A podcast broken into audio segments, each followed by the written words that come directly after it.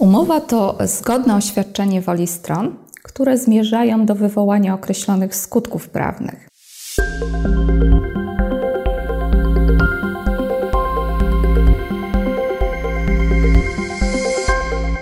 Prawo przy kawie.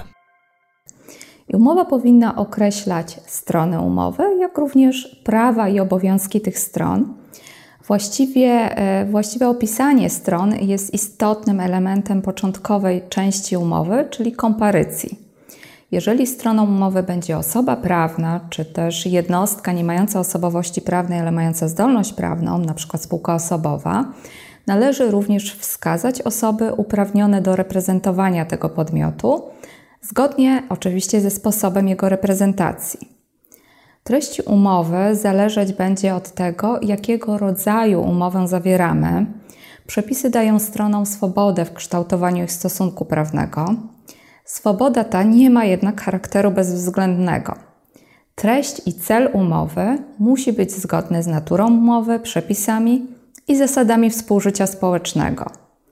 Część z przepisów dotyczących umów jest bezwzględnie obowiązująca, o czym należy pamiętać i strony powinny się do tych bezwzględnie obowiązujących przepisów stosować.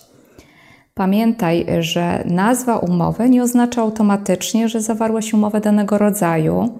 O rodzaju umowy będzie decydowała bowiem przede wszystkim treść oraz cel i zgodny zamiar stron. W umowie wskazujemy datę, jak również miejsce jej zawarcia. Konieczne jest określenie także przedmiotu umowy. Przedmiot umowy powinien być określony dokładnie, aby uniknąć późniejszych sporów. Opisujemy wzajemne świadczenia stron oraz ich odpowiedzialność, w tym ewentualnie kary umowne za niewykonanie lub nienależyte wykonanie zobowiązań umownych. Oprócz opisu świadczeń określamy także sposób ich spełnienia, w szczególności termin, miejsce, tryb realizacji Zwykle świadczeniem jednej ze stron jest wynagrodzenie. Należy więc określić jego wysokość, e, czy też sposób e, ustalenia tej wysokości, termin zapłaty, sposób zapłaty, np. przelew. Z uwagi na rodzaj umowy często wskazuje się okres, na jaki została zawarta.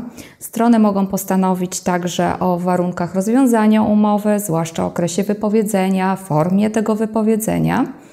Można ustalić także przyczyny rozwiązania umowy w trybie natychmiastowym.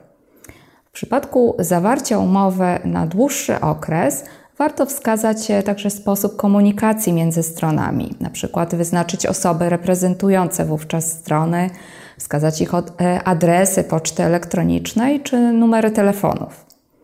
Jeżeli występuje czynnik obcy, czyli umowa zawierana jest z cudzoziemcem lub podmiotem z siedzibą za granicą, to dobrą praktyką jest e, wybór prawa właściwego dla umowy.